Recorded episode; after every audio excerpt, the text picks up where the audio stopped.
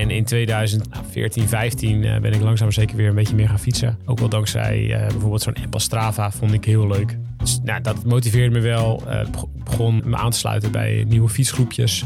Veel jonger dan ik over het algemeen. Dus daar rijd ik nog steeds in. Dus ik ben een beetje de opa van de, Ja, ja. Van, van, van, van de groep. Daar heeft Herman ook wel eens last van. ja, Ja, zeker. Maar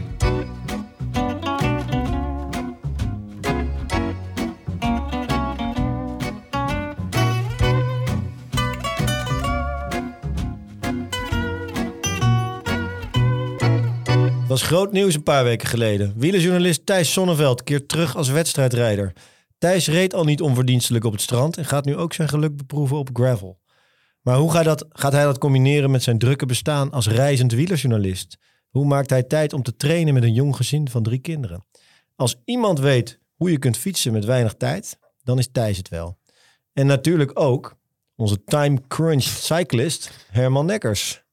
Eh, Thijs, eh, welkom.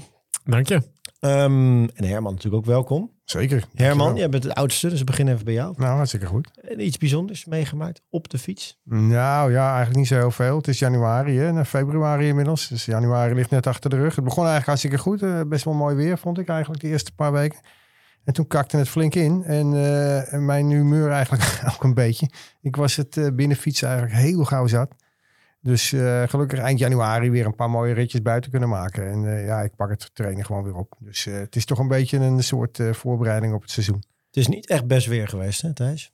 Het was echt waardeloos weer. Ja, echt veel waardeloos. Ik heb vorige week een training gedaan bij 0 graden. En toen, ja, dit was dus wel het probleem van de time crunched cyclist. Ik, Ja. ik moest die training op die dag doen. Dus ik moest 160 kilometer op vijf uur maken op eh, die dag met 0 graden. En toen ik thuis kwam, ben ik in slaap gevallen op de bank. Dat was me nog niet Met je wielerkleding nog aan. Ja, gewoon zo. Ik zie jou op, Twitter ook allemaal kledingadvies geven aan, eh, aan allerlei geïnteresseerden die dan Ja. vragen van, eh, goh, hoe doe je dat? Nou ja, maar zeker in de kou. eh, Ik kan er echt onwijs slecht tegen. En het hangt zo erg af van welke kleding je aantrekt. Of hoeveel kleding je aantrekt. Of je het een beetje leuk kunt maken op de fiets met dat soort temperaturen. Dus ik geef wel, ik geef wel graag advies over. Ja. Als dat mensen helpt om een beetje meer op de fiets te stappen in de winter. Dan help ik graag mee. Ja, ik vond er wel leuk, er kwamen wel leuke reacties op. Ehm, daarmee hebben we eigenlijk ook jouw recente ervaring eh, al besproken. Ja, vertel eens Frank, wat heb jij gedaan? Ik heb dus een rocker plate aangeschaft. Nou, vertel eens, wat, eh, voor de mensen die niet weten wat het is. Ja, dat is eigenlijk een, eh, een houten plaat. Eigenlijk twee houten platen met, met balletjes gevuld met lucht ertussen. Die je onder je indoor setup kan zetten. En daardoor gaat je, je hele setup dus op en neer. Je hebt ze ook, die gaan ook nog naar voren en naar achter. Die van mij doet alleen zijwaarts. En dat is echt zo'n aanschaf waarvan ik denk, waarom heb ik dat niet eerder gedaan? Want ik, on, ja, indoor fietsen is niet echt mijn hobby. Maar ja, je kan soms niet anders. Daar komen we denk ik zo nog wel op terug. Ehm, echt een heel groot verschil. Vooral bij het staand klimmen, eh, maar ook wel bij het zittend klimmen, voelt het echt veel meer alsof je, ja, alsof je buiten aan het fietsen bent. Tof man. Is dat diezelfde rockerplate waar wij een eh, product review van hebben? Toevallig wel. Ehm, we zullen hem even in de show notes zetten. Maar je hebt ze van allerlei merken. En je kunt ze ook zelf maken trouwens. Dat is ook, is ook mogelijk. Heb jij er een, Thijs? Nee, maar ik zit er wel eens aan te denken. Ja. Ik, ja, ik gooi mijn, eh, mijn, eh, mijn, mijn setup eigenlijk alleen. Dat is een beetje mijn probleem. Ik, ik gooi hem echt door het hele huis neer. Dus ik heb niet één plek Ja. waar ik, hem, waar ik het altijd, eh waar hebt geen altijd klaar staat. Ik heb geen uh, mancave, nee. Nee, nee, dat is als je in Amsterdam woont natuurlijk misschien niet voor de Als hand je in. Amsterdam woont en je hebt drie kinderen, dan, wordt dit, dan moet je ergens een keer wat inleveren. Ja, oké. dus dat is dan het, inderdaad het is een best wel een bakbeest. Dus het is zeker niet evident om die eh, zomaar op te bouwen. Nee, maar ik moet zeggen, ik ben er heel blij mee. Herman, zijn er de komende tijd nog leuke tochtjes die we kunnen rijden? Of is het nog te vroeg? Nee, het gaat wel komen. We kijken twee maanden vooruit. En ik mocht er niet meer dan drie doen van jou, Frank. Dus eh, laten we gauw beginnen. Ja. Eh, op eh, zondag 2 april in IJsden in eh, Limburg. De Volta Limburg Classic. Eh, toch wel een van mijn favoriete tochten. Ik ben er zelf eigenlijk altijd wel bij. Eh, Limburg en de Belgische voerstreek. Ehm, voor mij dus altijd een mooie seizoensopener. Eh, heeft ook nog een abonnement op Goed Weer, dat eh, evenement. Dat maar is dan op leuk. zaterdag niet de profkoers? Ja, Heb jij die wel eens gereden? Zeker, ja. Een hele mooie koers. Ja? Ja. Zeker, zeker dat begin is ook echt onderschat. Dan rij, rij je inderdaad België in en dan naar de plank en allemaal dat soort eh, beklimmingen die we eigenlijk allemaal niet kennen. Als je aan de Nederlandse kant weet je ieder klimmetje de naam en Ja. zijn ze allemaal wel heel bekend. En dan rij je, dus, nou ja, rij je eh, een paar kilometer verderop de, de, de grens over. En dan heten ze ineens allemaal, weet ik niet. Ja. Maar dat zijn echt prachtige klimmen. En Ja. een stuk rustiger. Ja, het is mooi fietsen daar. Hè? Ja, Dat, het prachtig eh, ja, ja. Nee, ik vind het hartstikke leuk. Dus eh, de finishlocatie is ook altijd leuk. eh, op het gezellige dorpsplein en ijs. De bier en patat eh, kun je er gewoon halen. Smerige kasseitjes. Nou, inderdaad, ja. Ja, dat is nog een, heel eh, een hele Ja. nare finish. Ja, zeker. Afstanden 150 kilometer, 120 kilometer, 90 kilometer en 65 kilometer. Eh, als je die langste doet, heb je nog 2400 hoogtemeters. Dus dan kan je er ongeveer een beetje inschatten wat in is, wat, wat het is. Ehm, dan hebben we op, ook op zondag 2 april de Flandrian Ride eh, in Breda. Eh, wie nog niet toe is aan zoveel hoogtemeters, kan terecht in Breda voor de Flandrian Ride. In het prachtige West-Brabant kun je je onderdompelen in Vlaamse sferen. En na afloop wacht er een heerlijk Quaremont biertje en Vlaamse friet. Hier ook al dus. 165 kilometer, 120 kilometer en 80 kilometer. Dat is vast gezellig. Ja, dat lijkt me hartstikke leuk. Nou, deze interesseert me wel, die je nu gaat noemen. Ja, de Isaac Alternatieven. Op zaterdag 8 april. Een eh, race- en gravel evenement in Schravenvoeren, België. Waar ligt dat dan? Dat ligt vlak onder de grens. Dat Ah, is ja. echt, eh, je bent de grens over en dan rij je in Schravenvoeren. En eh, nou ja, dan vind je daar een, een, een, een- een voetbalveld. En dat is echt een heel, heel leuke tocht is dat hoor. Ik heb hem denk ik al een keer of vier, vijf gereden. Even eventjes kijken. Parkeren bij de voetbalclub dus eh, van Schravenvoeren. Waar je na afloop ook kunt douchen. Een bijzondere route richting het oosten. Dus het gaat eigenlijk niet eh, de bekende Ardennen in. Maar het gaat eigenlijk richting Duitsland. Je beklimt zelfs het drie landenpunt vanuit Duitsland. Eh, dan, dat zal ongetwijfeld een stukje gravelen worden, vermoed ik. Afstanden voor de racefiets. 160 kilometer en 1900 hoogtemeters. 130 kilometer, 100 kilometer en 75 kilometer. En er zijn ook twee gravel afstanden van 120 kilometer en 1600 hoogtemeters. Dat is niet mis voor een gravel evenement. En Nee. ook nog 65 kilometer en 1000 hoogtemeters. Ehm, de alternatieven, dat refereert toch aan het feit dat het op dezelfde dag als de Amsterdam Gold Race is? Ja, niet? ja, dus zo is het wel altijd begonnen, absoluut. Ik dacht dat het nu een week eh, eerder is, want eh, dat hebben ze losgelaten. Want inmiddels is de alternatief net zo populair als de Amsterdam Gold Race. Dat zit echt in een mum van tijd vol. Oké. Ehm, nou, dat lijkt me een mooi evenement. Ja, moet je zeker eens doen. Dat is echt hartstikke leuk. We hebben een luisteraarsreactie. En ik wil ook graag weten wat jij daarvan vindt, Thijs. Want het ligt wel echt een beetje in jouw straatje. Eh, nou, we zullen even alle beleefdheden even overslaan. We hebben het al een paar keer gehad over het NK Cyclo. Dat zouden we dan bijvoorbeeld in de Vorgezen mogen doen. Omdat we hier geen vergunningen kunnen krijgen daarvoor. Is dat niet te on-Nederlands? Een NK zou toch eigenlijk moeten gaan over een parcours dat je in Nederland ook zou kunnen vinden. De bergen in de Vorgezen zijn veel hoger dan de heuvels van Limburg. Daarnaast hebben jullie het ook over dat het moeilijk wordt om te organiseren. Tot op zekere hoogte snap ik dit. Want in Limburg, toch het mooiste fiets van Nederland, gebied, fietsgebied van Nederland, is het al veel te druk. Letap Rotterdam is ook een te drukke stad. Maar ik woon zelf bijvoorbeeld in Almere. En als ik een rondje door de polder fiets, is het regelmatig zo dat ik vrijwel geen verkeer tegenkom. Natuurlijk is het zo plat als een dubbeltje, maar dat is in Nederland. En heb je wel echt een Nederlands parcours. En zo heb je nog meer van dit soort provincies, zoals bijvoorbeeld Drenthe, Groningen, Friesland, waar het rustig is en je makkelijk wegen kan afzetten voor een cyclo. Ik heb zelf nog nooit zoiets georganiseerd. En misschien denk ik wel veel te simpel, maar zou het niet mooi zijn om juist daar een NK cyclo te organiseren? Ik hoor graag hoe jullie hier tegenaan kijken. Groeten van Marco Palfenier. Nou Thijs, eh, twee opties. Of we gaan naar de Vergezen voor het NK cyclo, of we doen het lekker in Dronten. Ehm, Of op de, de Vanberg. ja, nee, ik zou willen dat er in Nederland eh, dat het makkelijker was om wedstrijd te, orga- te organiseren. Eigenlijk wat je de afgelopen jaren ziet is dat het steeds moeilijker wordt en dat steeds meer gemeentes eh, kont tegen de krip gooien, extra vergunningen eisen. Ehm, en ja, een van de allergrootste problemen voor dit soort evenementen is dat je ehm, de wegen moet afzetten. In Nederland is dat over het algemeen vrij druk. Ehm, en je hebt een motorbrigade nodig om echt verkeer te stoppen. Dat mogen vrijwilligers op een motor. Mag, je mag niet iemand zomaar van de weg afhalen. Ook al rijdt hij dwars door afzettingen heen. Of rijdt hij eh, een tegemoetkomend peloton eh, bijna in. Dus ja, wat ze in Den Haag elke keer aan vast blijven houden... is dat er een vast clubje motoragenten is... van de gemotoriseerde politie... eh, die al die wedstrijden moeten begeleiden. Dit is een joekel van een probleem. Want dit is eigenlijk de grootste reden dat steeds meer jeugdwedstrijden... of kleinere eh, wedstrijden, maar ook bijvoorbeeld de Ronde van Noord-Holland... eh, gewoon, gewoon voor, voor profs... Maar Olympia's Tour in problemen. Ehm, dit, zijn eigenlijk, dit is eigenlijk een van de allerbelangrijkste redenen waarom het zo moeilijk is in Nederland om die wedstrijd te organiseren. Het speelt dus eigenlijk op, op allerlei niveaus. Da- dat kleine clubje politieagenten op de motor, die heeft gewoon beperkt tijd. En die willen ook gewoon niet meer al die wielerwedstrijden begeleiden. Die zeggen, ja, we moeten ook de ene week moeten we eh, hooligans bij voetbal begeleiden. En de volgende week is er een escorte van Koninklijk Huis. En we, willen, we zitten al ver in onze overuren, dus we gaan niet al die wielerwedstrijden doen. En ze weigeren dus om een soort vergunning af te geven voor mensen, voor motorrijders die dit al honderdduizend keer hebben gedaan. Ehm, waardoor dit gewoon een enorm probleem is. Dus ja, een evenement erbij en ook nog een cyclo, waarbij je de weg een heel groot gedeelte van de dag moet vrijhouden. Het is niet één peloton van 200 man wat in één keer voorbij is en wat dus niet Nee. superveel tijd kost. Maar een cyclo waar je dus urenlang misschien wel een bepaalde wegen voor moet blokkeren. Ja, het is in Nederland gewoon bijna niet haalbaar. Nee, niet op de verharde weg dan. Eh, je kunt natuurlijk... eh, Nee, nee. Onverhard zijn er wel een aantal On, wedstrijden. onverhard heb je dan iets meer opties. Maar ook daar zie je dat nee, bijvoorbeeld Hoek van Holland en Helder, de bekende strandrace eh, altijd eh, in de winter. Misschien wel een van misschien wel de mooiste en de meest epische van allemaal. Die ziet, daar- zie je eigenlijk hetzelfde probleem. Vergunningen. Heel veel gemeentes die zeggen, ja, nou, not in my backyard. Ja. Ja. ja, te begrijpen wel, hè Herman? Ja, ik vind er ook nog wat anders van. Ik ben het helemaal met Thijs eens. Eh, kijk, als je een NK cyclo houdt, dan wil je dat eh, de cyclo-rijders die we kennen, zullen we maar zeggen, de mensen die echt cyclo's rijden, dat die zeg maar een kans maken. Ja, dat zijn de mensen die naar, de, eh, naar Frankrijk gaan of naar Italië.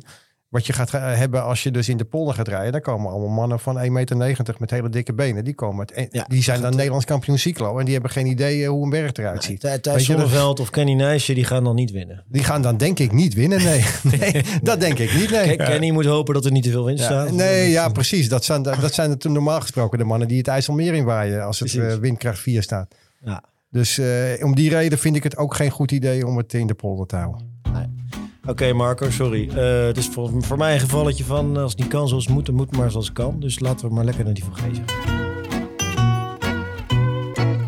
Thijs, jij bent uitgebreid in het nieuws geweest. Jouw overstap naar Beat, of niet overstap. eh, je gaat bij Beat weer beginnen als wedstrijdrijder. Eh, hoe is dat zo gekomen en wat wordt je programma? Hoe het zoveel nieuws was. Ja, het was Ja, heel, het, was- heel het ging veel een beetje, het ging een beetje met zichzelf aan de haal, ja. Ja. Daar verbaas ik me ook wel over. Ik dacht eerst dat het een 1 april grap was. Ja, ja, ja, ja. Het was alleen geen Eerlijk april, ja. nee, ja, hoe is het gekomen? Ehm, ja, eigenlijk fiets ik de afgelopen jaren eh, steeds een beetje serieuzer. Eh, ik ben in 2007, ja, daar dacht ik van, dit dit is, nu stop ik en nu zet ik mijn fiets aan de kant. Dus nu fiets ik nooit meer. Ehm, ik heb echt mijn fiets een aantal jaar nauwelijks aangeraakt. Of in ieder geval alleen maar gewoon hangs op stuur. Fietsen met vrienden. En dat was het wel zo'n beetje. En in 2014, 15 eh, ben ik langzaam zeker weer een beetje meer gaan fietsen. Ook wel dankzij eh, bijvoorbeeld zo'n app als Strava vond ik heel leuk. Af en toe een keer een kommetje aanvallen. Het kopje even opknalen. Ja, dat was Ja. toen eh, echt zo'n ding, weet je wel. Dan gingen we allemaal proberen het kommetje op het kopje te pakken. Nou, dat motiveerde me wel. Eh, Ik beg- begon eh, me aan te sluiten bij nieuwe fietsgroepjes. Veel jonger dan ik over het algemeen. Dus eh, daar rijd ik nog steeds in. Dus ik ben een beetje de opa van de, Ja, ja. Van, van, verteld. van, van de groep. Daar heeft Herman ook wel eens last van. Ja, Ja, zeker. Maar Maar ja, ik merkte dat ik het toch wel heel leuk vond. En ik merkte ook wel dat ik bepaalde dingen eh, in het profielrennen niet meer begon, niet meer snapte helemaal. Dus de, ja, toen hele periode dat ze alleen maar aan het wachten waren tot het allerlaatste klimmetje. En ik, ja, ik dacht echt, weet je. Nou, zo bijvoorbeeld zo'n Volta Limburg. Ja, daar reden vroeger even de eerste drie klimmetjes over. En er was nog eh, 40 man in, in de eerste groep. En alles was uit, was uit elkaar gereden. Dus ik, en dat, ja, dat zie je nu eigenlijk heel, heel veel wedstrijden niet meer. Dus toen heb ik een jaar voor Parkhotel Valkenburg gereden. Toen reed ik ook al best wel veel op het strand. En toen merkte ik wel dat ik nog redelijk goed niveau kon halen met weinig tijd. En eigenlijk de afgelopen jaren, eh, zeker met het opkomen van, eh, van gravel, ja, zie je gewoon dat er een hele nieuwe discipline aan het ontstaan is. En een discipline die ik heel graag van binnenuit wil zien groeien. Dus ik, ik wil heel graag zien hoe snel dat groot is geworden en wat voor dingen daarbij spelen. Nou ja, kijk naar wie er vor- vorig jaar allemaal meedoen aan het WK Gravel. Van de, van de poeltjes, weet je, Pogacar wil meedoen. Ja, dat, dan wil ik eigenlijk dat het liefste van binnenuit zien. Ja, dat is eigenlijk wel een, eh, heel mooi. We hebben het er wel eens over gehad. Dat is eigenlijk een soort tussenvorm tussen Ja. wielertoerisme en, eh en proffietsen. Ja. En in het gravelwereldje is dat nog extremer inderdaad. Want daar gaat iedereen op het WK rijdt gewoon eh, door elkaar heen. En daar rijdt Ja. Mathieu van der Poel ook met zijn stuurbordje nog. Maar dat is toch prachtig? Ja, vind ik fantastisch. Ja, Ja, dus- Sommige van die cyclorijders, die reden ook helemaal niet slecht. Hè? Die reden gewoon top 30. Ja, ja, ja. Ja. Nee, maar het is, het is een soort van... Ja, het is eigenlijk een soort van wielrennen terug naar hoe je paadjes reed in 1920. Het is meer man tegen man. Het is eh, ehm, een beetje, nou, misschien een beetje heroïscher of een beetje epischer. Zeker als je kijkt naar zo'n wedstrijd als Unbound. 320 kilometer ergens over gravelwegen. Ehm, maar het is ook gewoon een discipline. Ja, ik, ik, dus het is een deel is het participeren in de journalistiek. Wil, aan, wil zien hoe het, eh, hoe het in zijn werk gaat. En voor een deel eh, ja, zie ik ook gewoon dat ik nog een niveau heb. eh, dat ik ergens nog wel pot kan breken. Dus ik vind het ook zonde om het te laten liggen. Wat zeiden ze thuis? Ehm, nou, thuis zijn ze wel gewend dat ik behoorlijk veel fiets. En de afgelopen jaren reed ik ook gewoon overal wel. eh, eh, nam ik ook vaak mijn fiets mee. Reed ik mijn wedstrijdjes wel. Het was alleen niet zo gestructureerd. En ehm, thuis, eh, mijn vrouw ziet hoe leuk ik het vind. En ja, eh, als er een, ehm, een contract tegenover staat, dan is het thuis ook wel iets makkelijker uit te leggen. Als je moet gaan trainen, weg moet naar een wedstrijd. Ja. Dus het is eigenlijk, thuis is het wel iets makkelijker geworden, moet ik eerlijk eh, zeggen. Dus misschien een tip voor alle Ja. mensen die weinig tijd hebben. Word prof. Ja, ja, ja, want heb je dus van buitenaf ook veel reacties gehad? Sorry? Of heb je van buitenaf, buiten je gezin, ook nog veel reacties gehad? Ja, eh, ja, wel heel veel, ja. Kijk, ik, kijk, ik fiets eh, eigenlijk mijn, mijn vaste trainingsgroepje. Daar zitten bijvoorbeeld Jasper Okkeloen in, eh, Rianne Marcus. Daar, daar fietsen we heel veel mee. En Jasper die rijdt echt als een soort straaljager rond. En die wint op allerlei verschillende fietsen. En op allerlei verschillende terreinen en wedstrijden. Ehm, en ja, dat is ook wel... Ik, zie ook wel gewoon eh, aan hem hoe inspirerend dat is en hoe leuk dat is. En dat je op allerlei verschillende fietsen, op allerlei verschillende paadjes mag proberen. En ik fietste al op het strand. Ik heb vorig jaar een paar gravelwedstrijden gereden. Ik zag dat dat me goed afging. Dus ja, ik, ik denk ook wel dat als ik een paar dingen, eh, als ik de puzzel goed leg en het lukt me allemaal nog een beetje om het te combineren, dat ik ook nog wel ergens gewoon eh, sportief kan uithalen. Ja, want je gaat alleen eh, gravelen of ga je ook nog op de weg rijden? Ja, het is echt wel een, een programma wat nou, nu in dienst staat van eh, een teken staat van het strand. En zometeen als het tandseizoen voorbij is, echt vooral, vooral gravelen. Dus dan kijk je toch vooral naar Unbound en naar WK Gravel. Dan moet je een paar, heb je een paar qualifiers, een hele mooie nieuwe wedstrijd in Nederland bijvoorbeeld. Ja. In, eh, in Zuid-Limburg is erbij gekomen. Dus die kalender die is best wel snel aan het uitbreiden nu. Ehm, er zitten prachtige evenementen tussen. Ehm, maar Twee ga- wedstrijden in Nederland hè, voor qualifying. Ook in Ja. eh, Veenhuizen dacht Ja. ik eentje. Ja, er is in in, september. In Aken is er ook eentje. ja, En die is in, is in mei. Ja, Dus die ook zijn- die ga ik ook rijden. Ja, gaaf. Dus het zijn allemaal wedstrijden. En dat zijn allemaal dus wedstrijden waarbij je... Aan, nou ja, je kunt Mathieu van der Poel er tegenkomen. En je kunt je, je buurman met zijn dikke buiken tegenkomen. Ja, Wij hebben het altijd over Henk uit Houten. Henk uit Houten. Henk Ja, uit nou ja, Houten. vind ik het hem hout mooi. is ja. een begrip, hè? Henk Ja. uit Houten rijdt op een boels met, eh, met zijn trippel. en die kan ook gewoon mee Die kan ook meerijden. Ja, dus dat, ja. is, dat vind ik een fantastisch eh, uitgangspunt. En ik hoop ook echt dat ze dat behouden in de gravel. En je ziet er wel hier her en der wedstrijden die ermee worstelen. Die, eh, die het allemaal in startgroepen gaan opdelen en zo. Volgens mij is juist de charme dat je met soms wel met duizenden te- tegelijk vertrekt. En om jou terug te komen bij vraag, rij- ga ik wegkoers rijden? Ja, echt alleen maar als het uitkomt. Ik zou er echt wel een paar rijden. Ja. Ehm, maar echt alleen maar eh, als het uitkomt. En dan zou het echt een functie zijn ook van, van gravel. Hey, Unbound ga je rijden. Voor de luisteraars die dat niet weten. Dat is de niet meer zo nieuwe naam van eh, Dirty Kenza. Hè? Ja. Ehm, wat denk je dat je daar nou kan, eh, kan presteren? Een, een top 10, top 20? Top, top, ja, top 50 zou toch zeker moeten Nee, ja, lukken? ik, ga niet, ik ga ook niet voor. Ik, ja, ik ga daarheen eh, met het idee om te winnen. Met, meteen om te winnen. Nou, Ja. Dat is best grote woorden. En, en dat, dat, dan moet ik. Dan moet alles samenvallen. En dan moet alles kloppen. En dan moet ik zelf heel goed zijn. Moet mijn materiaal top zijn. Dan moet de wedstrijd eh, echt mijn kant op vallen. Moet ik tactisch alles goed doen. Ik, ik weet dat ik hele lange wedstrijden goed aan kan. Ehm, maar het niveau is daar natuurlijk wel de laatste jaren enorm aan het stijgen. Ja, en je hebt, heb je dan ook een andere fiets? Want je reed tot nu toe altijd op je strandsfiets die, die gravelwedstrijden. Ik kan me voorstellen dat je daarvan af gaat stappen. Nou, ik, ik, ik kies gewoon eigenlijk in elke wedstrijd wil ik kiezen wat ik denk dat het beste is. En ik reed inderdaad vorig jaar toevallig een paar wedstrijden op mijn strandfiets. Dan met andere, andere banden. En eh, je had bijvoorbeeld een gravelwedstrijd in Zandvoort. Waarvan ik wist dat er heel veel mul zand was. Ja. En ik, ja, ik wilde gewoon daar met zo breed mogelijke banden starten. En dat was een goede keuze, want ik won ook. Dus dat was achteraf eh, Maar Unbound, was, was slim. Maar ik reed bijvoorbeeld een week later toen Bartje 200. Ook op mijn strandfiets. Ja.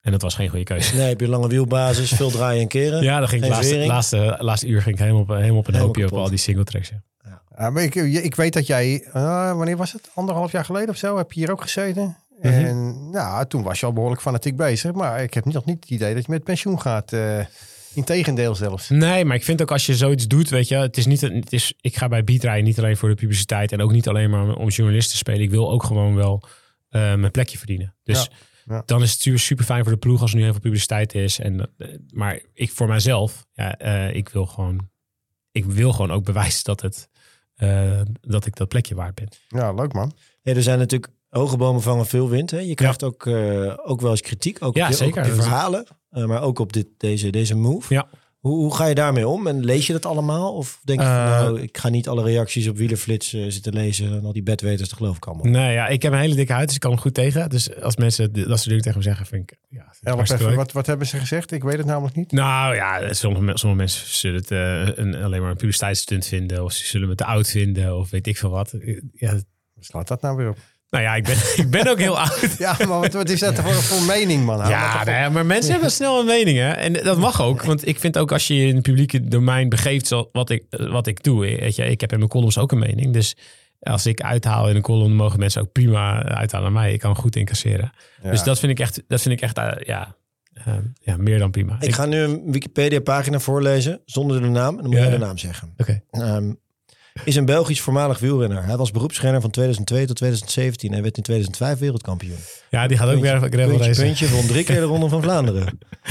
Ja, kijk, dat bedoel ik met... Je ziet toch wel, dat- dit is Tom Bonen waar je het over hebt Ja, natuurlijk. heel goed. Ja, je ziet toch je ziet dat er een, een, zeg maar een categorie renners die gestopt zijn en die toch wel graag nog het spelletje eh, willen spelen. En die ook zien dat het hele gravel racen, het heeft niet meer de gevaren van wegracen, waar ik denk veel oudere renners af en toe wel een beetje op afknappen.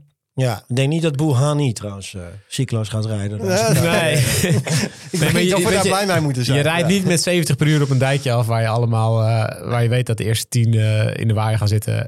En, Ja. en, en waarvan je weet dat er 500 meter voor het dijkje en een versmalling is en iedereen er volop klapt.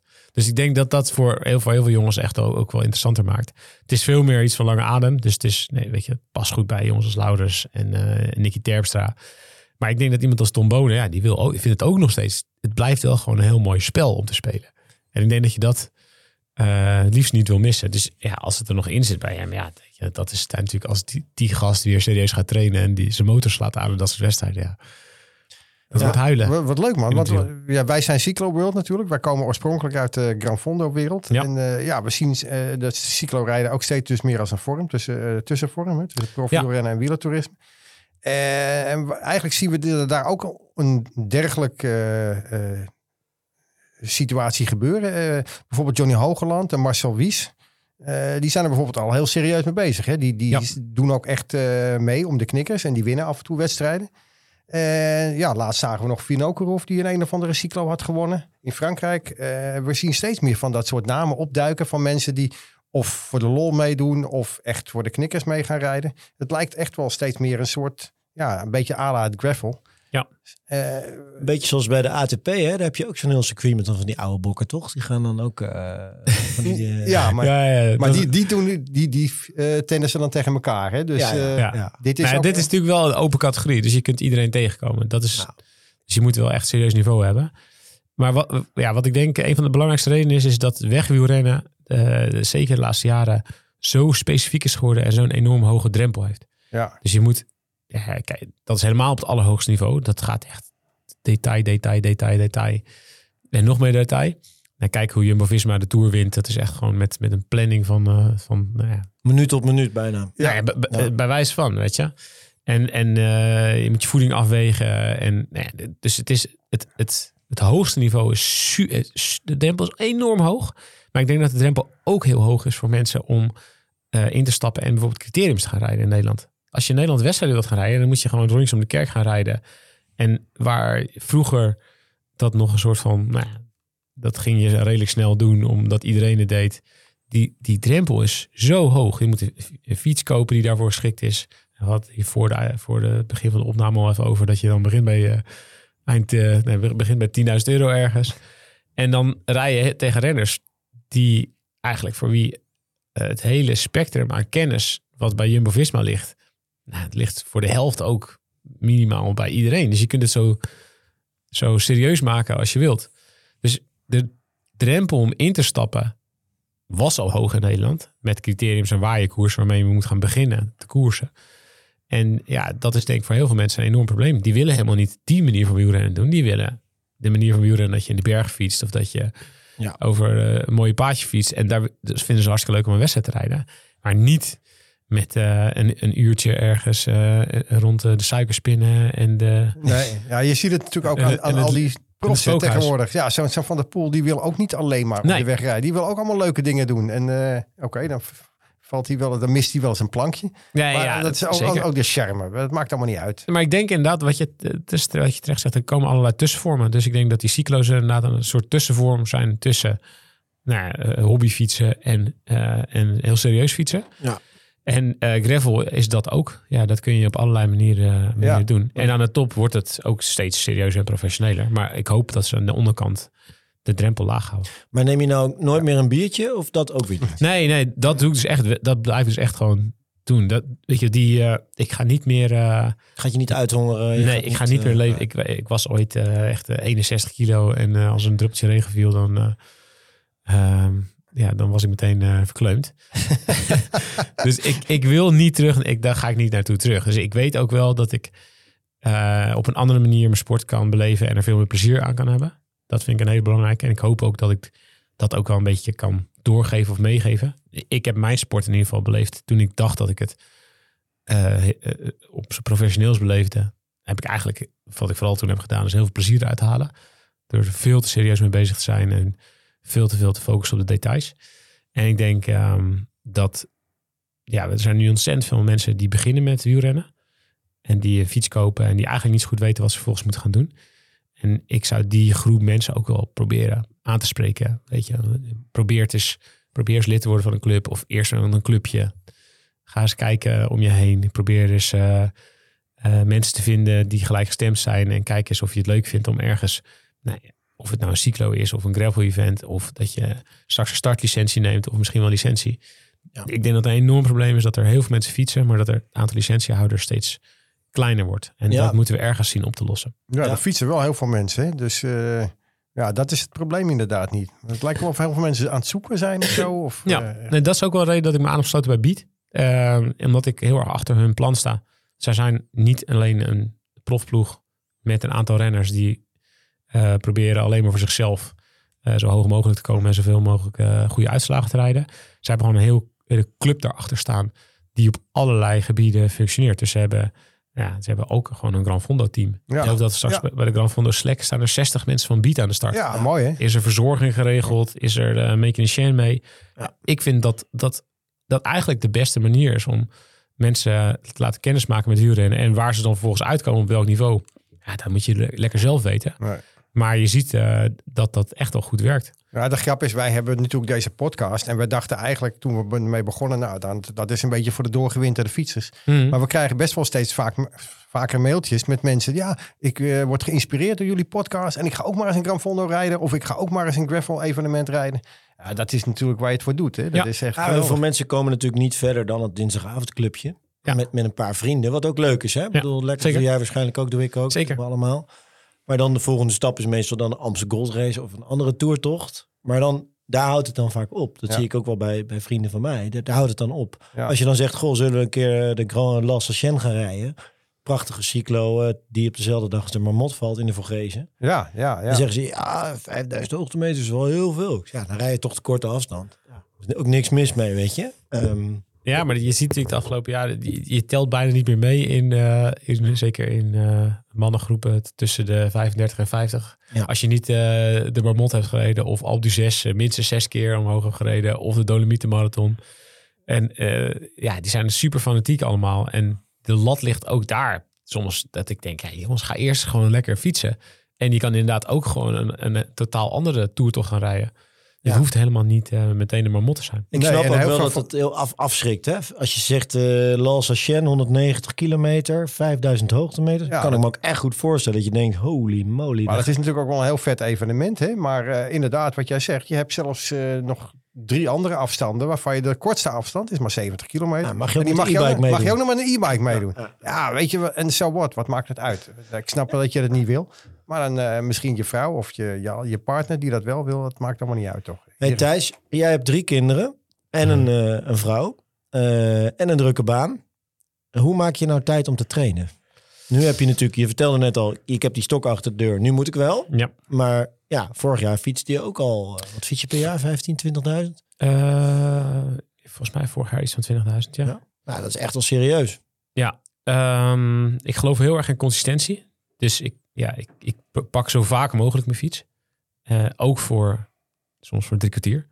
Ja. En dan is dat wel vaak binnen. Maar ik geloof heel erg in eh, als er een moment is, als er een window is en je, je twijfelt, altijd bij twijfel altijd gaan. Ja. Ehm, want ja, als je, als je dat niet doet, dan, eh, ja, dan haal je dus heel vaak je, je trainingen niet en dan wordt het minder leuk. En ik vind een deel van, de, van het plezier van fietsen toch ook wel dat het nog steeds goed gaat. Weet je, dat je, dat je als je wilt versnellen, dat je ergens kunt versnellen, dat je een bergje hard op kunt rijden. Ehm, en dat is denk ik ook wel eh, een van de charmes van fietsen. Dat je jezelf kunt uitdagen en dat je je niveau kunt verbeteren. Ehm, maar ik, ja, ik heb dus ik heb een trainingsschema, officieel. Ja, je werk je met Join? Ja, Ja. zeker. Wie niet tegenwoordig, Ja, zou ik ik- bijna kunnen zeggen. Ja, Jim is een goede maat van me, de oprichter van Join. Dus ik, ik wil niet te veel reclame voor hem maken, want hij heeft al, eh, inderdaad, hij heeft al meer dan genoeg eh Hij maakt niet uit, subscribers. zijn partner van ons ook. dus Oké. dat is Hij timmert aan de weg, hè? Dus, uh, hij zat timmert hier- lekker, hij Hij timmert lekker aan hier de een paar podcasts geleden, dus... eh, Ja, ja, dit is supergoed. En, ehm, maar wat, me, wat dus heel handig is aan dat join, is dat ik niet precies hoef te volgen wat hij zegt. Nee. Als Maar het denkt, is- ik ga lekker een koersje rijden op Zwift, dan doe je dat gewoon. Precies. Ja, ja, Zwift is een goed voorbeeld. Ik vind, ik wil het kunnen opbrengen. Dus ik kan gaan Zwiften en dan staat er, dan zegt Join, ja, je moet eh, drie eh, blokken doen en dan twee, twee sprintjes en dan een minuut, weet ik veel. En dan kan ik tussen dat kiezen, o- o- gewoon die blokken uitvoeren en die sprintjes. Of dan kan ik een koers gaan rijden en dan doe ik bijna altijd de koers. Ja. Ja. En dan, is, dan train je dus niet per- helemaal hoe je het hoort te doen, maar dan probeer ik in dat koers gewoon ja, een beetje te rijden. Naar, aan de hand van hoe de, tra- hoe de training was En opgegeven. zet je dan wel het vinkje bij, ik heb gedaan wat er voorgesteld was? Of Nee, dat, doe ik eigenlijk bijna nooit. ja, maar dat is het leuke van Join, hè? Die past zich helemaal Nee, aan dat past er gewoon aan. Ja. dus dat is, dat is hartstikke goed. Ja, mijn, eh, ik heb drie jonge kinderen. Die zijn vier, zeven en negen. Dus de jongste is naar school. Dat echt Scheelt wel- heel veel. Dat scheelt echt heel veel. Maar ook toen eh, zij nog klein was. eh, ik, ik- als ik thuis ben, ben ik thuis. Ik, ik moet best wel veel dagen eh, in het jaar weg. Ehm, eh, naar de tour of naar de spelen of naar andere grote evenementen. Dus ik probeer echt ervoor te zorgen dat als ik thuis ben, dat ik dan niet de tijd van anderen ook opslok. Want ik denk dat dat goed herkenbaar is voor iedereen die naar de podcast luistert en die op enig niveau fietst. Als jij gaat fietsen, dan moet je partner dus bij de kinderen blijven of iets anders gaan doen. Of weet ik veel. Je, je slokt niet alleen je eigen tijd op. Dat doe je ook van je partner en van je kinderen. Dat is wel een hele goede tip, hè? Om ook daar hè, hoeveel aandacht aan te En besteden. dan kom je Ja. thuis en dan ben je helemaal uitgeteld. En dan ga je eerst twee uur op de bank liggen. Ja, dus- Zullen we naar het park gaan? Nee, papa is moe, weet je wel? Precies. Dus, Ja, dus ik probeer heel erg te trainen in mijn eigen tijd. Dus nu, ja, nu de kids naar school gaan, is dat iets, iets eh, alle kids naar school gaan, is het iets makkelijker. Maar ook toen, eh, ja, toen, toen ze klein waren, ehm, ja, in een eh, slaapje van een baby kun je gewoon prima een, Ja, een hoor. Zwift-koersen rijden. Ja, een babyfoontje recht voor je neus. Precies. Ja. Nou ja, en dan gebeurt, ja, gebeurt dus een keer dat je voor het laatste klimmetje eh, een kleine moet uit, uit het bed moet halen. Ja, oké, dat zo, zo is dat dan maar. Dat is dan zo. Ja. En wat, ik- ik, wat ik je trouwens altijd al had willen vragen, hè, want je noemde net de Tour de France. En ik volg je ook een beetje op Strava. En dan, eh, hoe doe je dat dan? Want dan ben je drie weken van huis, vier weken misschien wel. Ja, en, maar ik zie je toch af en toe wel fietsen. Vertel eens. Ja, eigenlijk, eigenlijk zijn dat voor mij de, de momenten dat ik het meeste fiets. Dus eh dit klinkt een beetje gek misschien, want ik moet ook het hardste werken. Maar ik heb verder geen enkele verplichting. Weet je, ik moet mijn column maken en ik moet een podcast opnemen en ik moet de wedstrijd volgen. Maar er zit De toch... podcast na de koers altijd pas. Ja, ja, ja. Ehm, Doe je elke dag een podcast? Ja, een voorbeschouwing en een nabeschouwing. Ehm, en dan moet ik ook af en toe nog eens een keer aanschuiven ergens bij avondetappen of Vive de Velo of zoiets. Maar het, het is ook veel en je slaapt ook niet superveel op zich. Maar ik hoef niet eh, boodschappen te doen of te koken. Of ik, ik heb geen afspraak met, een, eh, met de klusjesman of de verwarming moet worden gemaakt. Stiekem Nee, de, zijn- de pareel is ook meestal pas één uur, twee uur. dat is het, dat is het vooral. Kijk, dus je, moet, je hebt verplaatsingen natuurlijk. Ehm, en ik hoef die niet allemaal zelf te doen, want ik kan gewoon ergens worden uitgegooid. Dus ik heb, hebben gewoon een eh, flinke crew mee. Dus ik zit ergens in een bus. En eh, als we dan aankomen bij de laatste 100 of de laatste 80, 90 kilometer, dan laat ik me eruit gooien. Fiets ik het laatste stuk zelf. En dan sla ik eigenlijk twee vliegen in één klap. Dan zie ik en het parcours. Wat ik heel graag wil, omdat ik niet uit een ivoren torentje wil schrijven van hè, waarom gingen ze hier nou niet of weet ik veel wat. Dan hoor ik Maarten de Knoo daarna zeggen, ja, ik snap er niks van. Terwijl ik denk, ja, er staat daar volle bak tegenwind. Ik zou er ook niet aanvallen. Participerende journalistiek. Participerende dat is een beetje journalistiek. wat je eh, ja, geloof ik heel erg in. Ja. Ja, en, en op die manier kan ik gewoon eigenlijk elke dag eh, een aantal uur trainen. Ehm, en ja, ik heb eigenlijk de afgelopen jaren al die grote rondes wel een soort aangepakt als ja, En hoe- verkapte hoe- trainingskamp. Hoe, hoe gek ben je daarin? Ook als de regen met bak uit de hemel komt. Nee, dat is, dat is misschien, dat is, dat is misschien, dat, misschien dan niet helemaal, maar ehm, ja, als het gewoon even, even, even regent, dan kan, kan je er prima doorheen natuurlijk. Ja. Maar ik heb afgelopen, afgelopen tour echt super veel getraind. En het is gewoon omdat er, ja, ik kan er ook voor kiezen om naar de finish te gaan en dan te wachten tot de uitzending begint. En dan doe ik gewoon anderhalf, twee uur niks. En dan ja, kan ik koffie drinken met mijn collega's en nog een koffie. En Ja, er wordt heel veel nog een beetje en nog een beetje hangen. Ja, ik heb zo'n hekel aan hangen. Dus ja, ik- mijn dag is heel erg gevuld. Ehm, en er zitten weinig rustmomenten in. En af en toe dan eh, zit ik dus inderdaad op de achterbank van een auto een kolom te tikken of allemaal belletjes te doen. Of- Ik zie dat Maarten Smees nog niet doen, eerlijk gezegd. Nee. Nee, die had een heel ander ritme, ja. die stopte dus onderweg nog inderdaad voor een lunch van twee uur. Nou ja, die, als ik dus niet lunch of de lunch op de fiets doe en een paar eh, even stoppen eh, voor een, eh, voor een Mars, en, voor een, Mars en, een, eh, en een cola en weer onderweg ga, ja, dan win ik dus gewoon uren op een dag. Dus ik kan, ja, ik moet heel hard werken in de Tour, maar ik kan echt ook nog heel veel trainen. Dus ja, als je het goed doet, dan... eh, ik heb het goed voor mezelf geregeld. Lekker man. Wie, ik- dat wie ik dat ook niet zie doen is eh, meneer Van Nieuwkerken. Die kwam ik tegen op vele volleys. Ik dacht dat, dat, dat het een beetje het postuur van jou had. Dat was misschien ooit zo. Maar dat is nu niet meer zo, laat ik het zo zeggen. Nee, ja. Nee, die eh, dat zie je eigenlijk helemaal niet als hij achter die tafel zit. eh, Er is wat David meer van hem bijgekomen, zullen we maar Er zeggen. zit, eh, hoe zou ik dat zeggen? Er is wat vet op de botten. Ja. Ja, er zijn een hoop eh, journalisten die wel, eh, die wel fietsen hoor in de Tour. Nu. Ja? Ja, ik was ooit echt bijna de enige. En dan fiets ik rondjes met Pedro Rio. Die, die eh, werkte toen voor El País. Toen hij eh, in het ravijn was gevallen en niet meer uh, wielrenner kon zijn. Dus toen fietsen we samen rondjes. Toen werden we echt uitgelachen. En nu uh, fiets denk ik... Nou, ik denk dat een kwart of een derde van de journalisten in de, van de schrijvende pers nu wel fietst. En jouw collega Hidde van Warmerdam? Die ja, is, die, ook fiets mee. Ja? Ja, ja die, die haalt hem een stuk minder uh, vaak uh, ja. uit, uit, de, uit de, de Als je daar achter zit, dan vang je niet veel in, denk ik. Nee, dus, nee maar ja, goed. Ja, de afgelopen jaren waren we op pad met, nou, eerst met Thomas Dekker. Die, daar fietst ook, die fietst ook gewoon in de Tour. Uh, Theo Bos fietst ook in de Tour. Dat was alleen voor mij niet echt heel leuk. Want als we een bordjesprint gingen doen, dan klopte hij me letterlijk met één been. En als we naar een klim op reden, dan... Klopte jij met één been? Kon ik uh, bovenop een kwartier wachten. Ja. En afgelopen jaar ging Michiel Leijzen mee. En die uh, fietst ook gewoon supergoed. Maar er zijn ook gewoon jongens uh, die, daar, die daar naartoe komen. Zoals uh, nee, Jasper Okkeloen heb ik net al genoemd. die zijn vrouw rijdt, zijn vriendin rijdt in de Tour de Femme. En Ivo, dat geldt ook voor Ivor Slik, de winnaar van, van Unbound. Dus ja. die jongens die kwamen vorig jaar naar hun vriendinnen kijken. En daar hebben we echt de laatste week van, of in ieder geval die, de, de vrouwentour, zeg maar, elke dag traind. En die starten nog later, dus dan heb je nog meer tijd. Ja, ja, leuk man. Maar de komende tour uh, kan jij je lol op, want er wordt ja. behoorlijk wat geklommen. Ja, en dat, dat, is natuurlijk het, dat, is natuurlijk, dat is het leuke. De route staat uitgepeild. Er ja. is nauwelijks uh, of geen uh, verkeer meer als ik er overheen fiets, want het is allemaal afgezet. Ja. Um, dus ja, je, je, fietst gewoon over eigenlijk. Denk je wel eens dat je een flinke koploper bent of uh, valt dat nog mee? Ze, ze, roepen het wel, ze roepen het. De komen ze al, de komen ze al. Dat is meestal dat is gewoon een grapje. Oh, maar... Te hopen voor je dat jij de Puy de Dome op mag als voorrijder. Ja. Ik ja, heb hem gedaan, illegaal. Illegaal, ja. Ja, ja onder de slagboom door om zes uur s ochtends. Heel smal rijden. weggetje. Ik ben heel benieuwd hoe dat logistiek gaat, want het is een ja. heel smal paadje. Ze gaan loten toch, wie er, wie, wie er uh, langs de kant mag staan. Ja, dat mag... zal wel moeten, want je kunt daar niet met auto's omhoog. Nee. nee. En uh, uiteindelijk kwam ik boven, en er zit een soort militaire basis. En toen, toen startte er een auto en die begon iets naar mij te roepen. En toen dacht ik, hop, wegwezen. Als gek naar beneden gereden. Ja, ja. ja. ja ik, hoe kijk je er tegenaan dat hij weer terug is? Want iedereen zei, ja, dat komt nooit meer terug. Die ja, ik vind, dat, ik vind dat mooi dat ze dat doen. Niet alleen maar, uh, ik heb, we hebben natuurlijk in de Tour jarenlang gehad... dat ze alleen maar gewoon hele grote skidorpen als aankomst kozen. La, alleen maar kozen prachtige dorp La Mongie. Dat vind jij niet mooi? Zeker in de Alpen had je daar een paar van, van die snelwegen omhoog, weet je wel. Ja. Dus ja, ik vind het heel tof dat ze even iets meer nadenken over het product uh, Tour in zijn algemeenheid. Ja, ja, ja, nou, je gaat, ik weet niet, heb je die wel eens gereden, de Col de la Loze? Ja. Oké, okay, nou dat is al een heel na bergje natuurlijk. Verschrikkelijk. Ja. is ja. verschrikkelijk.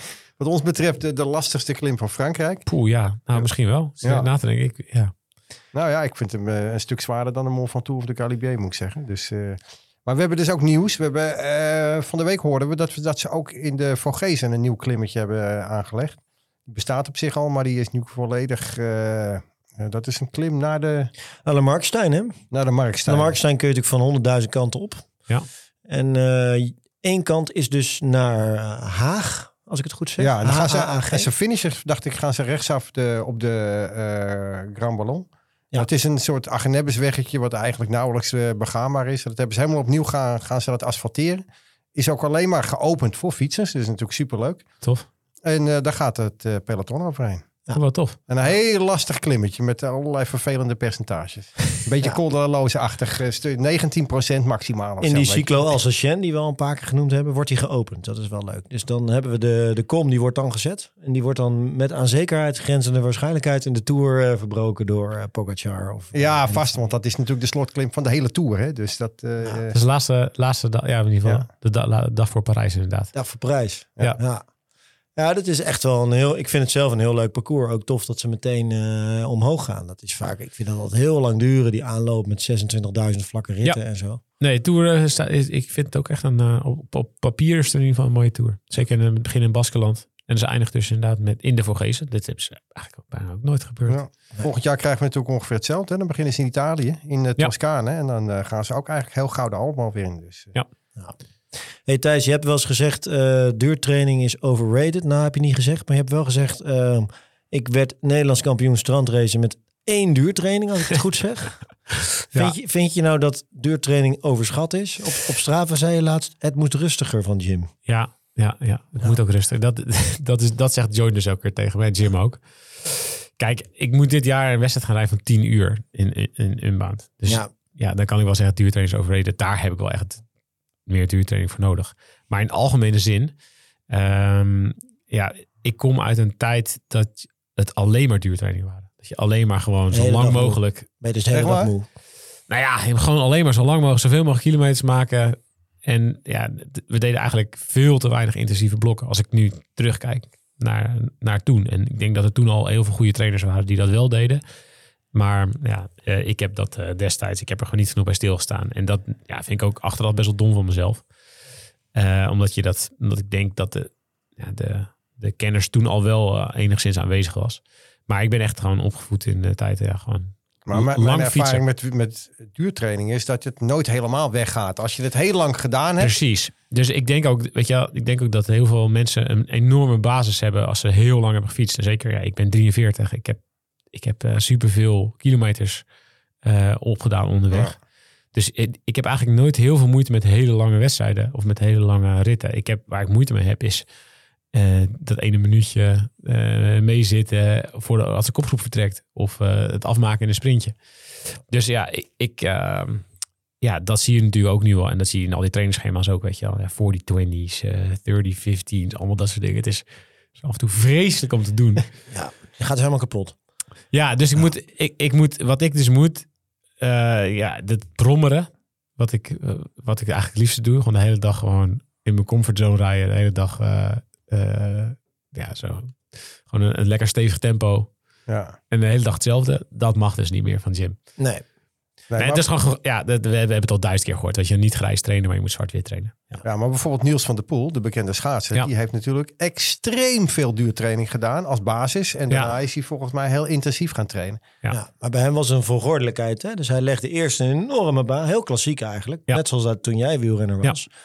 Eh, een enorme basis leggen in, in... Voor hun is het dan de zomer, moet ik het even goed zeggen. En het is precies andersom dan bij wielrenners natuurlijk. En Ja. dan daarna alleen maar in blokjes doen. Ja. Ja, wat, eh, jij, ik, volgens mij heb jij daar ook wel een mening over, hè? Over zijn aanpak van, van, van de pool. Ja, ik vind sowieso ook een, fantastische marketing wat hij heeft gedaan. Ja, dat boek en zo, dat e-book. Ja, ja, ja. Ja. ja, we hebben het dus, eh, we hebben het in, tijdens spelen, we hebben één podcast. Ja, die, als, ik, eh, als jullie show notes hebben, zal ik hem even doorsturen. Hebben Ja. we dat, dus een hele trainingsschema echt geanalyseerd. Ja, met Jim die inbelde. Ja, Volgens mij heb ik die gehoord. Ja. En dan zie je toch wel dat het waar wel een stukje met een korreltje zout eh, wordt genomen. Dus hij zegt wel dat hij extreem veel trainde. En als je het dan echt allemaal gaat kijken, dan zie je ook wel dat hij heel veel training is afgehaakt. Of dat hij het wel van plan was, maar dat het niet ging. Of dat last het van zijn knie of weet ik veel wat. Dus dat hij wel weken heeft gedaan waarbij hij echt enorm veel eh, omvang trainde. Ja. Maar dat het in werkelijkheid, ja, dat het heus nog wel meeviel. Ehm, maar wat hij, eh, wat hij heel erg heeft gedaan, is gewoon, is gewoon heel erg spe- specifiek getraind op die 10 kilometer. En ja, laten we heel eerlijk zijn, er zijn ook niet heel veel mensen in de wereld die dat doen. En zeker niet in, in schaatsen. Dus het is moeilijk om te zeggen of dat nou de, groot, de aanpak was. Hij kon in ieder geval ontzettend veel training aan. En- Maar hij, hij reed wel twee wereldrecords. Ja, ja. Ja. Dus ja, dat is natuurlijk ook altijd het moeilijke van trainen. Je moet wel iets vinden wat echt bij je past. En ik ben, ja, als ik dus naar mezelf kijk, ik, ik ben heel traag van mezelf. Dus ik kan heel makkelijk iets heel lang volhouden. Maar ik heb heel veel moeite met, eh, met explosieve eh, inspanningen. Dus ja, als ik dus, zeker op mijn leeftijd, als ik nu heel veel duurtraining ga doen en ik doe niet die intensieve blokjes, ja, dan eh, kan ik het shaken. Dan kan ik geen wedstrijd rijden. Dan, Nee. Dus daarom zeg ik, voor mij is duurtraining echt overrated. Ik moet juist, ik ben enorm vooruit gegaan van Strava en Zwift, omdat je daar dus gewoon vanzelf kort en intensief traint. En dat raad ik toch ook best wel veel mensen echt wel aan. Ook, ook eh, eh, mensen die, die cyclo's fietsen en die straks, weet ik veel, Marmont of de Vorgezen in willen. Ehm, uiteindelijk eh, zijn er toch best wel veel momenten dat je echt eh, tegen je limieten aan, aan zit te rijden.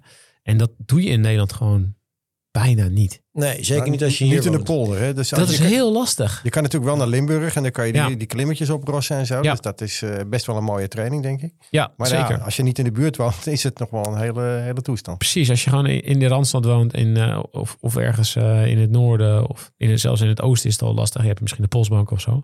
Ja. Maar is het best wel lastig om, om echt intensieve blokjes op de fiets te doen. Dus ja, daar is, daar is binnen trainen. Ja, het is soms niet heel leuk, maar het is wel echt super effectief. Ja, zeker in ERG, dan, dan moet je wel, hè? Dan Ja. is het gewoon eh Ja, dood, ja, dood of- de gladiolen. Of, ja, ik, of koersers dus. Ja, dan rij je Of tegen, koersjes. rij je tegen Ja- Japanners en Ja. Chinezen van 43 kilo. Ja, dan, en die- die gaan dan bergop vliegen. Ja, dan, als je mee wil, Ja, dan moet je jezelf uit weet, elkaar trekken. de, de grote man in het cyclopeloton afgelopen jaar, Stefan Kiergman. Ja, rijd ik wel eens tegen, ja. Die, rijden, die ken je waarschijnlijk wel van Ja. Zwift. Die doet in de winter nul duurtraining. Nul. Alleen, Alleen maar Zwift. Alleen maar op Zwift. Ja. Afgelopen jaar won hij de Marmot onder andere en nog 26 Hij haalde zelfs een kom op Alp de West. Hè?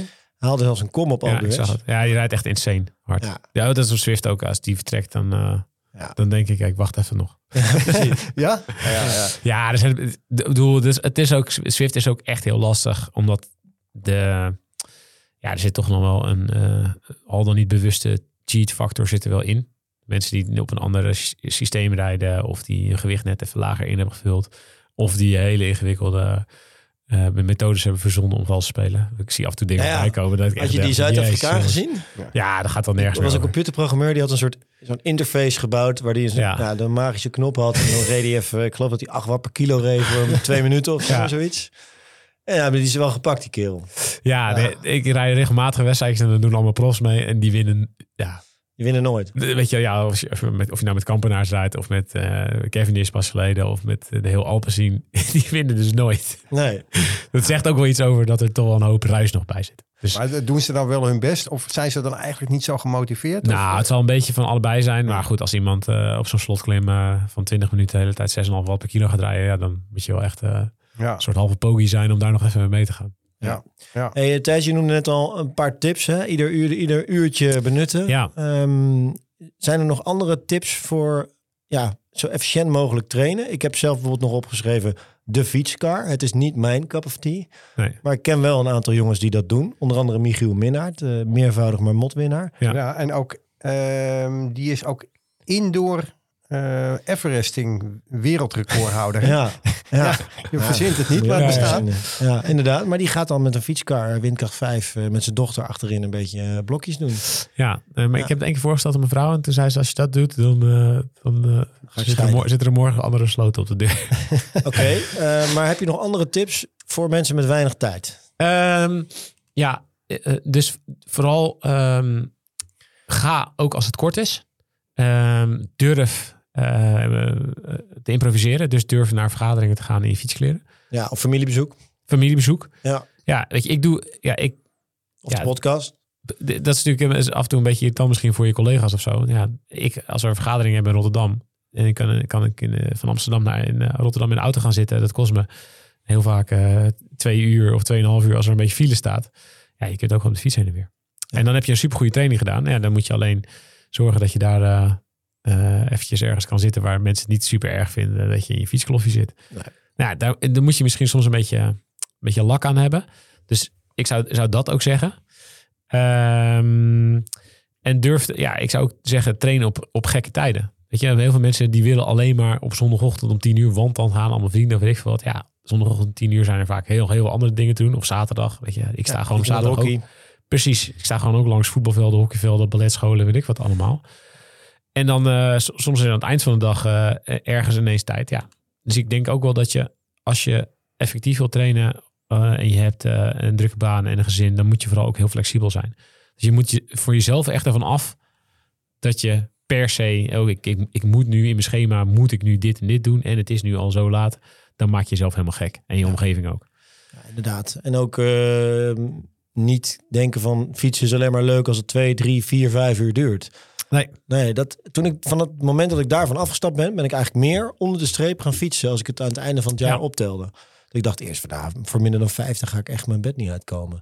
Maar ja, als je kinderen hebt, dan heb je gewoon geen keuze vaak. Dus dan, en het leuke is dat je daardoor meer gaat fietsen. Nee, maar je kunt ook in een training van drie kwartier kun je echt, echt uitstekend een paar hele goede blokjes doen. Precies. Dus- Herman, jij, jouw kinderen zijn al wat ouder. Maar Ja, je hebt ik dit heb- probleem ik- natuurlijk ook gehad. Ja, maar toen fietste ik nog niet. Dus ik kan niet uit de ervaring praten. Ik kan wel zeggen wat ik nu doe. Ik ben eh, met name met cyclo bezig. En eh, ook wel een drukke baan wat dat betreft. Ik heb wel wat meer, eh, wat meer ruimte. En, maar ik ben wat minder om zeg maar ad hoc ineens dingen te gaan doen. Als ik nu tijd heb, er valt een vergadering uit. Dan ben ik niet het figuur om dan te zeggen... oh ja, dan ga ik nu op de fiets zitten. Dat, dat, dat zit niet in me. Dat moet je wel een beetje bij je passen, denk ik. Het moet Ja. een beetje bij je passen. Maar ik ben wel iemand die behoorlijk ver vooruit kan kijken. Dus ik, zou, ik maak altijd gewoon een weekschema. En dan ga ik dat ook gewoon doen. En dat is vaak binnen fietsen of buiten fietsen. Ik kijk gewoon naar het weer. Van, oh ja, dinsdag wordt het eh, mooi weer in de middag. Nou, dan eh, plan ik even niks. En dan ga ik ook gewoon. Ja, weet je, als, het- als het dan regent, oké, dan heb je pech. Maar dan ga ik binnen wel fietsen of zo. Ja. Dus ik kijk wat meer, wat langer vooruit. En maar maak bijvoorbeeld ook afspraken. Eh, nou, stel van, eh, straks komt de, de winter, eh, de zomertijd er weer aan. Ja, dat duurt helemaal niet meer zo lang. Dat doet helemaal niet zo lang. En dat is eind maart, denk ik. Hè? Ja, derde, dan- derde weekend van maart Ja, dan krijg je natuurlijk wel dat je eh, zeg maar rond 6 uur, 7 uur, 8 uur kan je nog fietsen, maar later wordt het niet. Nou, dan zeg je gewoon, eh, nou, ik eet wat eerder vandaag of kunnen we wat eerder eten, weet je, dat soort afspraken. En dan kan je toch nog anderhalf, twee uurtjes gaan fietsen. Dus ik ben wat meer een planner wat dat betreft. En, oh, ik eh, zo zin in die zomertijd weer. Ja. Ik ben klaar met het. Zo, hoewel het nu wel weer meevalt eigenlijk, hè, vind ik zelf. Het is echt alweer wel langer licht. Ja, het is vooral een stukje warmer. Daar, daar ben ik Ja, vooral het is een hele belangrijke discussie hè, voor onze fietsers. We moeten aan de zomertijd. Als we de zomertijd verliezen, dan, dat is heel erg voor ons, vind ik. Ja, nee, zeker. Ja. Het is een van onze best gelezen verhalen elk jaar over die fucking wintertijd die dan. eh, Ja, Ja, nee, investeren in kleding. Dat die had het daar Investeer in net al even kleding. over. Ja, dat is echt wel ook echt een belangrijke. Weet je, er zijn heel veel mensen die gewoon niet in de winter fietsen omdat ze koude tenen krijgen of koude handen. Ja, onnodig. Onnodig. Dat is echt onnodig. dat is absoluut onnodig. Kijk, als het, e- als het echt min 9 is en eh, er ligt sneeuw en- of het regent en het is 2 graden, ja, dan. Als het min 9 is, hoor je op het ijs te staan. Ja, dat is heel simpel. Precies. Ja. Maar eh, je kunt jezelf echt wel goed kleden, ook tegen echt koude temperaturen. Dus eh, als het, zeker als het gewoon eh, een paar graden boven nul is, kan je gewoon echt uitstekend fietsen als het, als het droog is. Ja, in Nederland kun je eigenlijk bijna wel 360 dagen per jaar fietsen. Stiekem Alleen ben je als, best wel ijs, fietsen. als het ijzelt of sneeuwt, dan misschien niet. Ja. Met sneeuw zie ik ook genoeg, jongens die gewoon met de mountainbike eh, de bos ingaan. Maar het is, het is het geheel, hè? Want je kunt echt, er is echt zoveel onderzoek gedaan naar hoe je, hoe je met kou omgaat. Dus als jij ergens op je lichaam het koud hebt, dan, gaan, dan ja, gaat je, je bloed uit je uitersten van je lichaam, dus uit je handen en, en je tenen. Dus je, je moet gewoon zorgen dat je met een, een mutsie hebt en een buff en, je, en dat je een, een goede gabba hebt en een thermojack. En dat kost geld. Zeker. Ja, maar dat is wel. Ik heb dat Maar ook- het is echt waard. Ik heb het inderdaad een tijd genegeerd. En sinds ik dat soort materiaal Ja. heb, dat is de beste aankoop die ik ooit Winter- heb Ja, je, je zit jezelf ook bij winterschoenen. Je zit jezelf echt zo kapot te erger op de fiets. Als je, Ja. Het hoeft trouwens soms helemaal niet even geld. Ik heb ook, ik, eh, ik fiets soms met tankhandschoentjes onder mijn handschoenen. Ja. Dus van die plastic eh, dingetjes die je bij die net en mevrouw altijd bij het tankstation halen als ze, als ze gaan pompen. Ja, die koop je gewoon Ja. bij de Action voor 1 euro. Of Nou 20 ja, of, of gewoon bij het tankstation. Ja, dan denk je, ik pak er even een paar mee. Ja, maar dat is heel slim. Eh, eh, Helemaal eens. Werkt Jij ook. Dat, ja, dat doet toch met doktershandschoenen, eh, Frank? Of dat Nou, die neem ik mee in de bergen. Ehm, want je kunt altijd overvallen worden door noodweer. Ja. Dus dat neem ik dan gewoon, stop gewoon mijn zadeltasje Ah, ja. bij. Kost helemaal geen plek natuurlijk. Slim. Ehm, maar ja, winterkleding, ja, koop het in de zomer is mijn tip. Dat is vaak de helft van de prijs. En dan koop je vaak een Auslauf model, maar dat is vaak prima. Ja.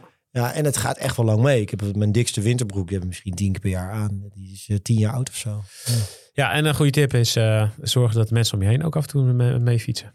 Ook op wat voor niveau die ook hebben. Ik vind dat mensen, dat heel veel eh, wielrenners heel erg vasthouden van ja, ik moet nu zo hard trainen. En ik ga ook wel eens van mijn vrouw trainen en dan fietsen we 22 gemiddeld. Maar Ja. dan zorg ik, ja, dan ga ik bij elk bordje, doe ik even een goede sprint en dan fiets ik weer terug.